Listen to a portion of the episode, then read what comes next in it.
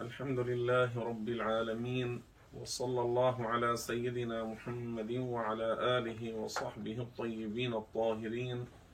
ومن اتبعهم بإحسان إلى يوم الدين وأشهد أن لا إله إلا الله وحده لا شريك له وأشهد أن محمدا عبده ورسوله صلى الله عليه وعلى كل رسول أرسله ورضي الله عن كل الأولياء والصالحين. أما بعد فقد قال شيخنا الإمام المجتهد الهرري رحمه الله في علم التفسير والحديث وفي الحلال والحرام يرجع إلى أهل العلم الثقات. يعني في أي أمر من أمور الدين لابد للإنسان إذا أراد أن يعرف الحق في هذه القضية أو تفسير هذه الآية أو الحلال أو الحرام أو هذا يصح أو لا يصح هذا حديث أم ليس حديثا وما شابه إلى أهل العلم الثقات يرجع في ذلك. ليس إلى العامة الجهال ولا إلى من يفتي برأيه ولا إلى من يتكلم بغير علم. حتى في تفسير المنامات ليس لأي إنسان أن يفسر إنما هذا علم خاص الله يفتح به على بعض أوليائه. فإذا علينا أن نراعي هذه القضية. نرجع إلى أهل العلم الثقات في معرفة أمور الدين حتى في التفسير. ومن ما يخلط ويخبط فيه الجهال المشبهة المجسمة في تحريفهم لمعاني آيات كتاب الله هذه الآية الكريمة. قال الله عز وجل في القرآن الكريم يد الله فوق أيديهم هم على زعمهم يقولون لا تأويل ويقولون على الظاهر. هؤلاء المشبهة الذين يشبهون الله بخلقه يصفونه بصفات خلقه أو ببعض صفات خلقه. هؤلاء يقال لهم مشبهة ويقال لهم مجسمة وهؤلاء يكذبون القرآن وإن ادعوا الإسلام وإن تسموا بأسماء إسلامية ليخدعوا الناس. هم يقولون لا يوجد تأويل إنما الآيات المتشابهات على الظاهر على زعمهم والعياذ بالله فيقولون الله بذاته فوق العرش ومن فوق العرش مد يده والصحابة في الحديبية في الأرض عندما بايعوا الرسول عليه الصلاة والسلام مدوا أيديهم في المبايعة. انظروا إلى هذه الصورة البشعة يشبهون الله بخلقه. جعلوه جسما وجعلوه حجما جعلوه جسما وجعلوه حجما وجعلوا له مكانا وجعلوه في مسافة ومن تلك المسافة مد يده على زعمهم له جارحة وهذا كفر وضلال ومدها من فوق العرش. والصحابة كانوا في الأرض في الحديبية عندما بايعهم الرسول وأخذ عليهم العهد صلى الله عليه وسلم أن يثبتوا معه وأن لا يفروا عنه وأن لا يسلموه للعدو وأن يبقوا معه مدافعين مناصرين له وللدين والحق والإسلام.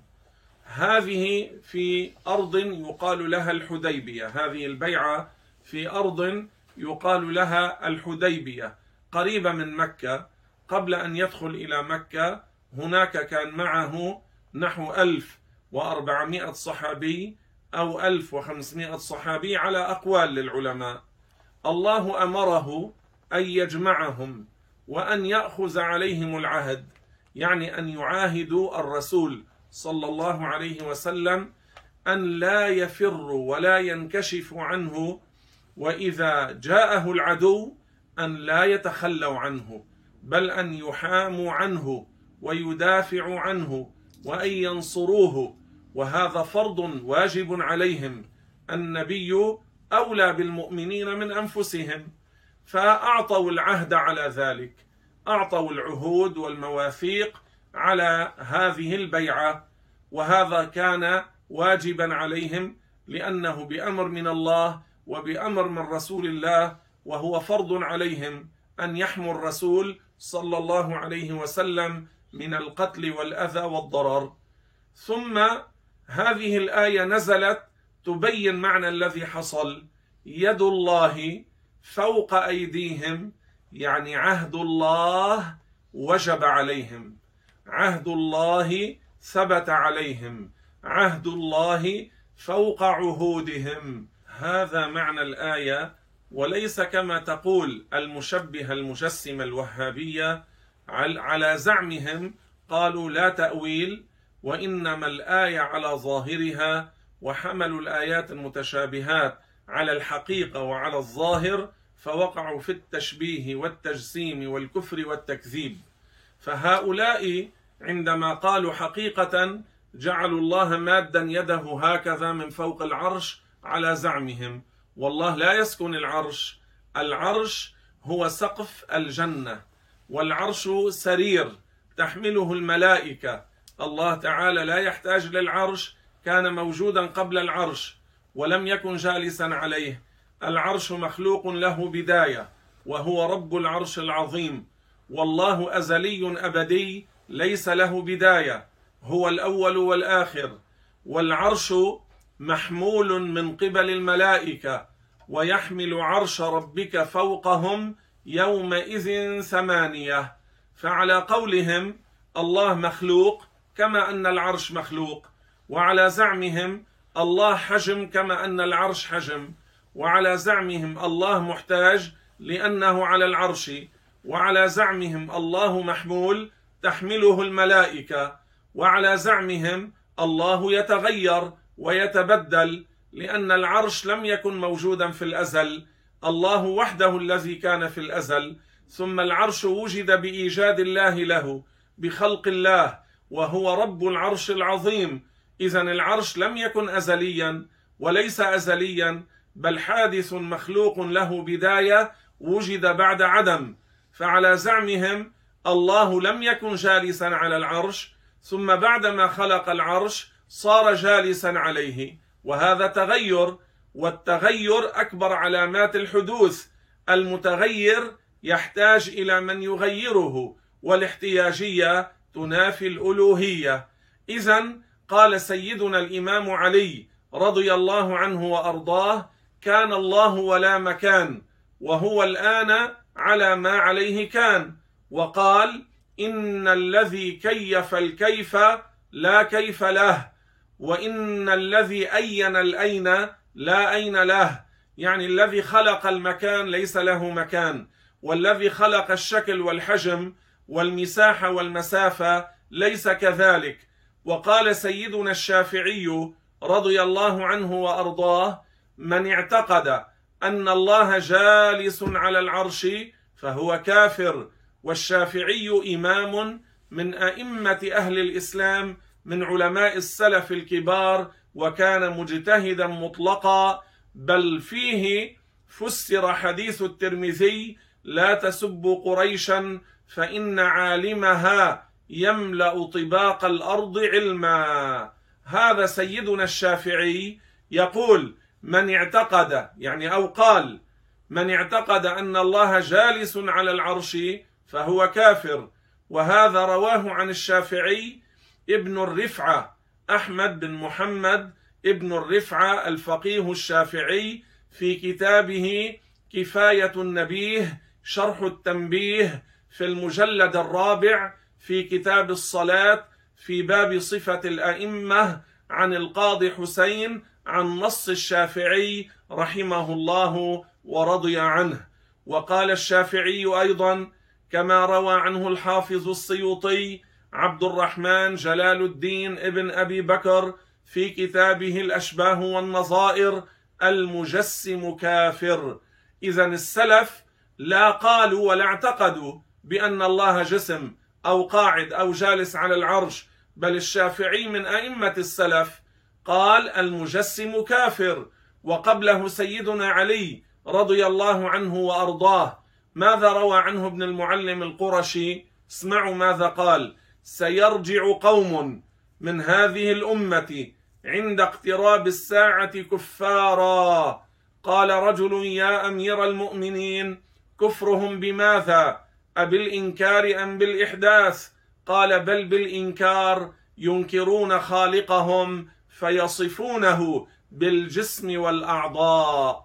سيدنا علي يقول عنهم كفار هذا اعتقاد الصحابة والسلف والخلف أن الله ليس كمثله شيء موجود بلا مكان وأن من قال أو اعتقد بأن الله جالس على العرش أو أنه جسم فهو كافر كما قال الشافعي وقبله علي رضي الله عنهما بل هذا إجماع كما نقله الطحاوي ومن وصف الله بمعنى من معاني البشر فقد كفر وكما نقله أيضا القاضي أبو محمد عبد الوهاب المالكي البغدادي في كتابه شرح رسالة ابن أبي زيد القيرواني نقل إجماع الأمة الإسلامية على كفر من قال في حق الله بالجسمية والمكان والانتقال وشبهه بخلقه قال هذا كفر عند كافة أهل الإسلام. وهذا من نحو ألف سنة. وهكذا يجب الاعتقاد بأن الله منزه عن الاتصال والانفصال والقعود والجلوس. ثم إن من قال الله جالس فقد قال بعقيدة اليهود واعتقد عقيدة اليهود. أما عقيدة الأنبياء والأولياء والملائكة والصحابة والسلف والخلف وآل الرسول صلى الله عليه وسلم الله ليس كمثله شيء ليس حجما ليس كمية لا يشبه شيئا من خلقه موجود أزلا وأبدا بلا جهة ولا مكان.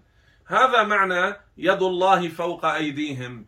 ليس معناها أنه جسم وأنه قاعد فوق هناك عند العرش أو على العرش ومد يده جارحه من فوق. هذا تشبيه وتجسيم وكفر وتكذيب لرب العالمين.